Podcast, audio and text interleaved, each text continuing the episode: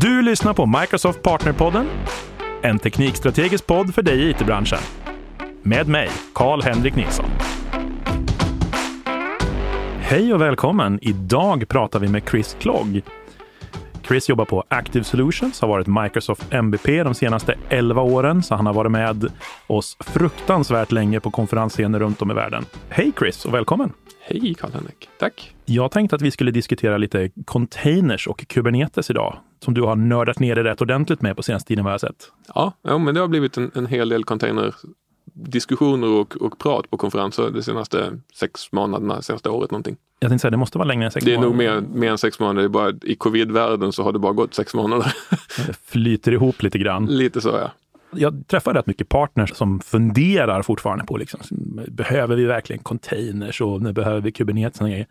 Ska vi börja liksom från början? Att när behöver man en container?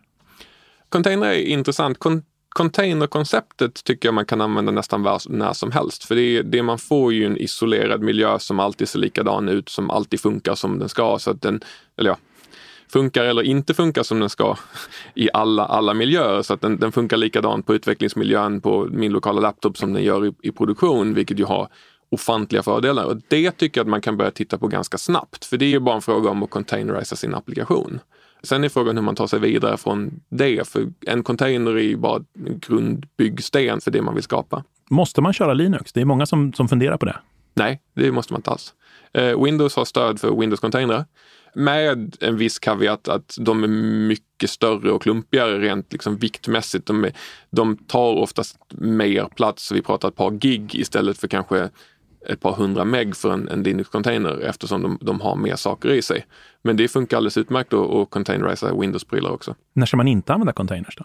Jag känner att det är en fråga som väldigt sällan blir ställd. Liksom. Man pratar aldrig om när man inte ska använda någonting. Det är ju extra lager abstraktion som gör ju från utvecklingsprocesssidan, om man är utvecklare, så är det ju ett steg till att ta sig in och, om man ska debugga saker in i en container och liknande saker. Det är mycket lätt. Jag tycker personligen att det är lättare att utveckla utan containern och utveckla lokalt, för då är det, liksom, det är lätt att steppa in och liknande saker. Men även det går att lösa med containrar. Så att, Ja, det är svårt att säga när man inte ska göra det. Jag tycker att det passar rätt ofta men det är liksom inget måste heller. Det, det, containern i sig är inget självändamål i min värld utan det är vad, vad vill man göra vidare?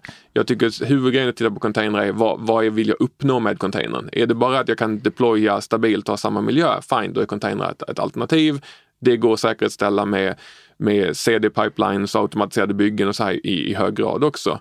Tittar man däremot vidare att kanske man vill ha en container orchestrator eller något liknande sak så då är ju container ett krav. Eh, mm. Eller om man vill bli cross-platform och säga, eller cross-cloud och säga att jag vill kunna drifta det på olika cloudlösningar runt omkring. Då är det också lättare att göra det med en container för jag kan ta samma container kan driftas i Azure som det kan hos Google eller hos Amazon eller i mitt lokala datacenter på ett annat vis än vad man normalt driftar en vanlig app.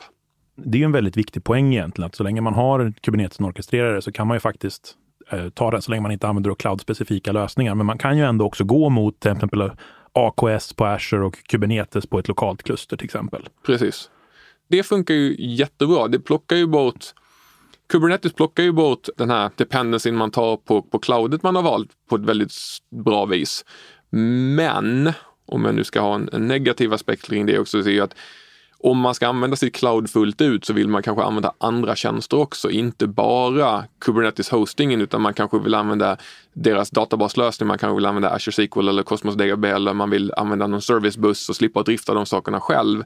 Och samma ögonblick som man tar en dependency på någonting annat än Kubernetes-hosten då är man tillbaka till att man är, man är fast. Visst, man kan bygga abstraktioner eh, så, sådant, men det, man, har fortfarande tagit en dependency på cloud-leverantören som sådant. Jag jobbar ju själv på Microsoft så att för min del så får man gärna använda Azure. Men jag, jag respekterar den, den och vissa människor har inget val heller för man har en stor kundskara som kräver att man använder olika plattformar. Vi, vi har ju själv liksom människor som tycker att man ska använda Azure för att köra deras produkter och då är de ju välkommen till oss naturligtvis. Yes. Men det är ju som du säger, det är en avvägning för man vill ju ändå ha alla de här stora fördelarna ifrån molnet Samtidigt som det kan vara trevligt att kunna köra saker, eller ibland kan det vara ett krav att kunna köra saker on-prem och så vidare. Men om man tittar på själva liksom orkestreraren som vi pratar om. Liksom så jag kan tycka att folk går på containers och så börjar de köra lite containers. Och jag har ganska ofta stött på människor som fortfarande kör virtuella maskiner Och så kör de typ Docker Swarm-konfigurationer eller någonting i den stilen med mm. stora komplexa skript. Då tänker jag ju ofta att ni skulle nog behöva Kubernetes många saker. Men för det första, samma ögonblick som man går till cloud och bara, men jag slänger upp mina egna VMar så tror jag att man ska kanske ta ett steg tillbaka och fundera om jag verkligen måste göra det. För mig så är stora fördelen med att köra cloud det är just passlösning, Att inte behöva ha mina egna VMar, inte behöva ta hand om dem.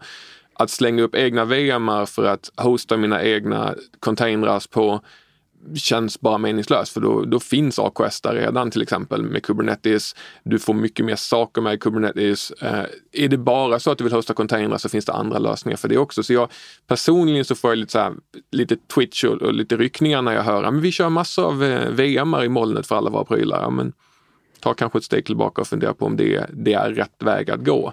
Ibland är det det, absolut. Eh, men det finns, det finns fördelar med att inte göra det. Men jag håller med, om du kör Sätter du upp dina egna VMar och, och nätverkar dem och kör Docker Swarm och kör din egen container, en motor eller container runtime i, på dem. Då ser jag verkligen inte varför man inte har valt att gå med en Kubernetes-lösning istället. För det är precis det Kubernetes gör. När vi ändå håller på att ta ett steg tillbaka, om vi går tillbaka till det du sa här med att när Kubernetes är rätt val så är det liksom det känns som att vi, vi måste prata om det också. När är Kubernetes rätt val då? För det, ju, det finns ju många tillfällen då man kanske klarar sig utan det. Ja, jag har ju varit väldigt kär i Kubernetes ett, ett bra tag och, och, tycker att Kubernetes är väldigt spännande och roligt och, och möjliggör mycket saker. Men det är som du säger, det är inte alltid den naturliga lösningen. Jag skulle säga att Kubernetes är som gjuten för den uppgiften den är byggd, det vill säga en microservices arkitektur. Samma ögonblick som vi börjar prata många tjänster eller ett antal tjänster som behöver vistas tillsammans och kommunicera med varandra på något vis som ett enhetligt system, microservices arkitektur, då är Kubernetes extremt intressant för den löser väldigt många problem eh, och är liksom byggd för det. Så har man de förutsättningarna så är det rätt. Om vi bara pratar om jag vill kunna hosta mina webbappar i containrar, ja men även där, ta ett steg tillbaka. Har vi någon vinst av komplexiteten i Kubernetes eller räcker det med att man kör Azure Container Instances eh, till exempel, eller ja, Azure App Container, Services. Eller App Services, precis. Det finns flertal sätt att hosta containrar och även det funkar om man ska vara helt ärlig i en microservices arkitektur upp till ett visst antal containrar. Sen börjar det kanske bli för många och de är publikt tillgängliga och så vidare. Men det är svårt att säga att det här funkar bra, det här funkar dåligt. Men samma ögonblick som man börjar titta på många små tjänster tillsammans där man vill ha dem tajt kopplade på samma nätverk för att kunna köra kommunikation och, och hantera säkerhet på ett annat vis så är Kubernetes vägen framåt. Om vi djupdyker lite grann där, för man får ju lite olika fördelar av Kubernetes. Man har lite olika typer av features. Ska mm. vi gå igenom lite grann vilka, vilka features man har som man kan dra nytta av, som man kanske inte har i, utan orkestrering så att säga? Jag var på väg att säga en av fördelarna att man kan köra containrar tillsammans, men nu stödjer äh, Azure Container-prylarna faktiskt att man deployar containrar tillsammans har jag för mig. Äh, så det är en fördel. Men annars är ju fördelen med Kubernetes är ju just att man deployar containrar antingen ihop i en podd så att de kan jobba tillsammans eller separat. Det är väldigt snabbt att spinna upp containrar. Det är, om man bara tittar på det rent på ytan så är skillnaden mellan att hosta min container i en, en PAS-tjänst som Container Instances eller Web Apps versus Kubernetes det är ganska lika för Microsoft löser skalningen och hanteringen på PAS-tjänsten och i Kubernetes så löser Kubernetes det. Men det är det här när man får ett Kubernetes-kluster så får man ju också ett internt nätverk med sina egna rättigheter. Man har lite annan säkerhetssituation. Man är inte publikt tillgänglig automatiskt. Så lägger man upp en webbapp så är den på internet automatiskt medan kör man ett eh, Kubernetes-kluster så deployar man saker inne i klustret i, på ett eget nätverk och man måste liksom uttryckligen ge access, vilket ju är en, en fördel ur ett säkerhetsperspektiv.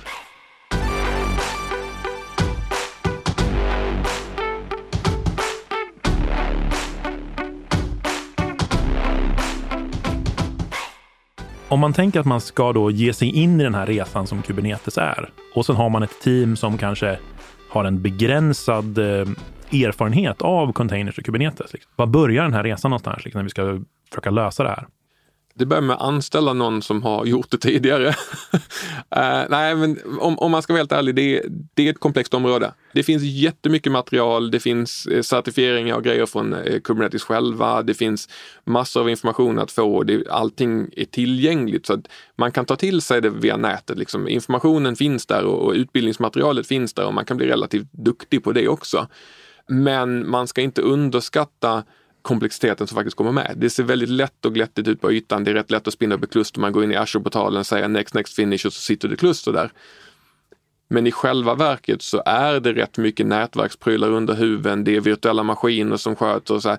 Så jag skulle säga att om man börjar från scratch, har noll erfarenhet av containrar, börja med en enklare containerresa med images och kanske en pass-tjänst och sen jobba sig mot en Kubernetes-lösning. Och med Kubernetes-lösningen bör man också ta tänket på, har vi kompetensen för att hantera nätverksdelarna av de här delarna? Det, det också för att man tar ett större ansvar själv. Felsökning blir mer komplicerat för det är liksom komplicerade Linux-nätverksprylar ibland och sådär. Så att man ska nog titta på den som en delresa. Har man inga containrar alls, börja med en enklare lösning med PAS, containerisera applikationer, få till continuous delivery system och continuous integration, automatiska byggen, automatisera så mycket ni kan med PAS-tjänsten som finns.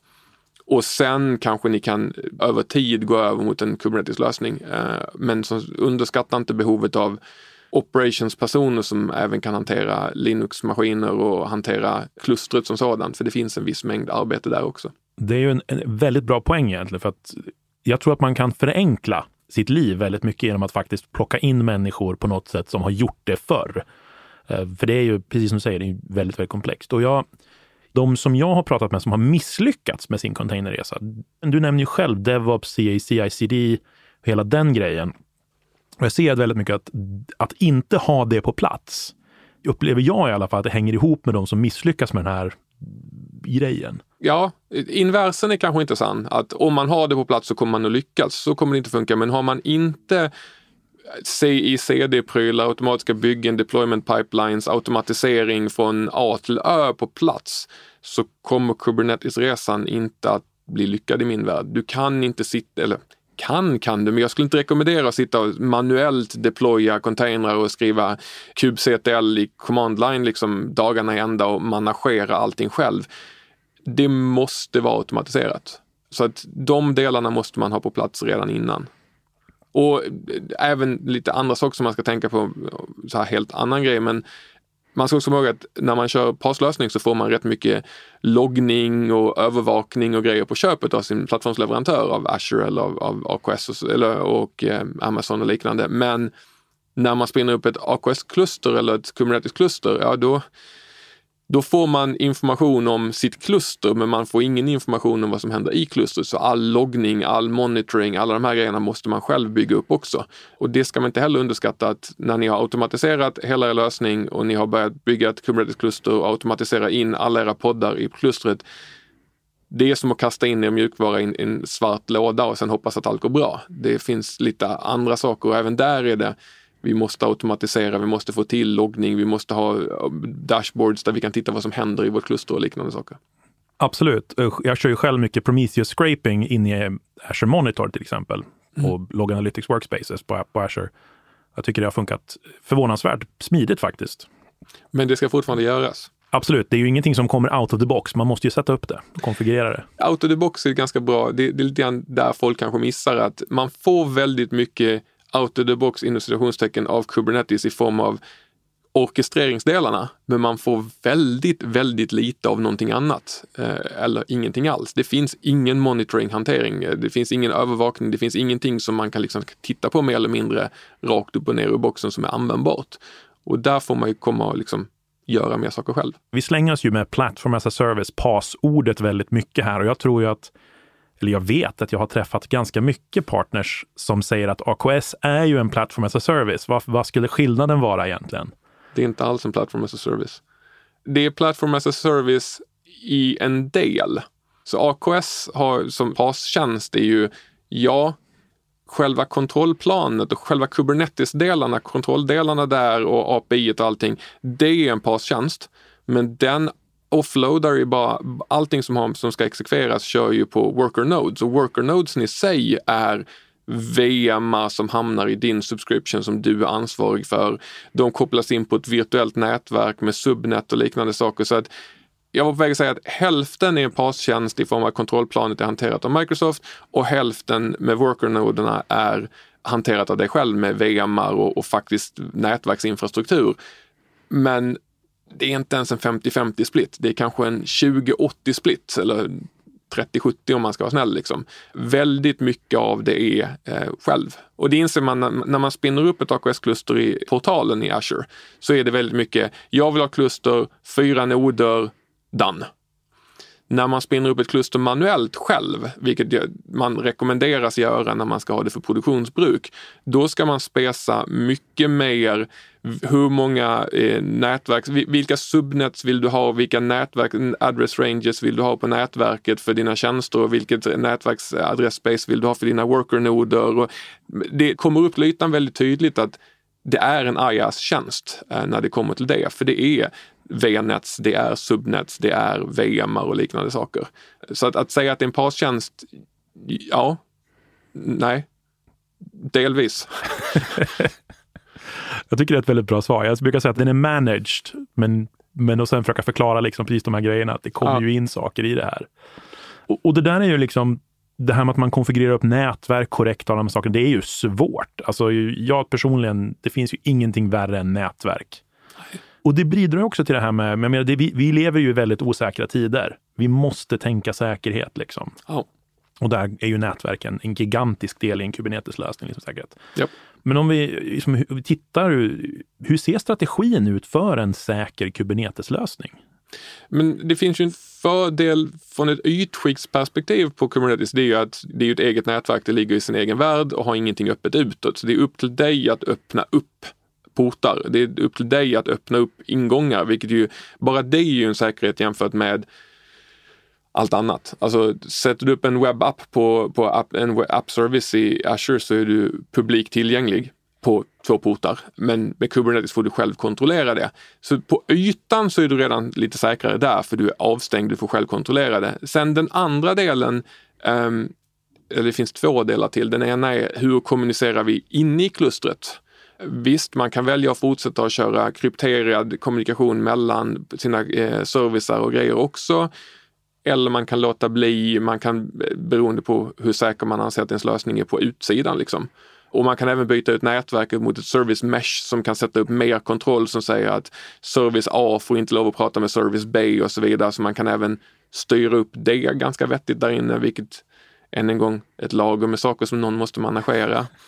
Och sen för Azure-delen så är det ju ett intressant koncept att de har det de kallar Azure Pod Identity, där varje podd inne i Kubernetes-klustret kan ges en identitet med hjälp av en Managed Service eller Managed Identity, eh, MSI, i Microsofts eh, cloud. Och den kan sen ges rättigheter så att det finns inga nycklar, det finns inga rättigheter, man behöver inte skicka runt en massa credentials och grejer för att komma åt saker utan precis som alla tjänster i princip i Azure så kan även poddarna få en managed identity som sen kan ges rättigheter till andra saker i Azure. Så behöver man prata med Keyvolt för att hämta ut säkra, säkra nycklar och liknande så behöver man inte ha credentials till Keyvolt utan podden får per automatik access genom att vara den själv.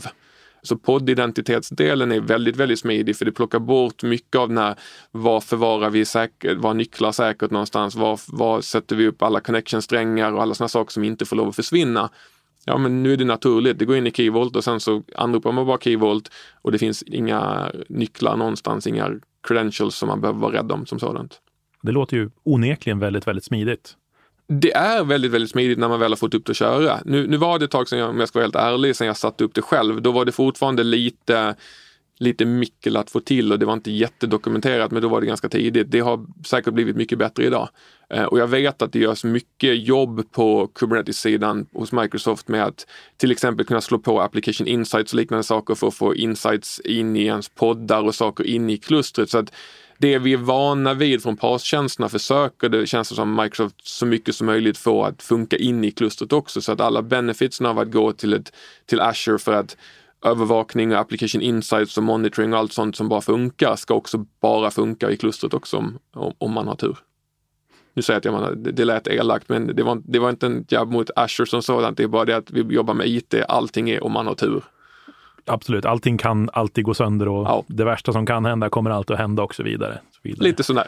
Man kan ju inte prata om Kubernetes utan att prata om microservices. Och där råder det ju, enligt mig i alla fall, en liten dialog om man ska ha sina databaser i sitt kluster eller om man ska ha sina databaser utanför sitt kluster. Var står du i den debatten? Utanför alla dagar i veckan. Det var så lätt att säga utanför alla dagar i veckan, lite så självsäkert och sen så kommer det fast.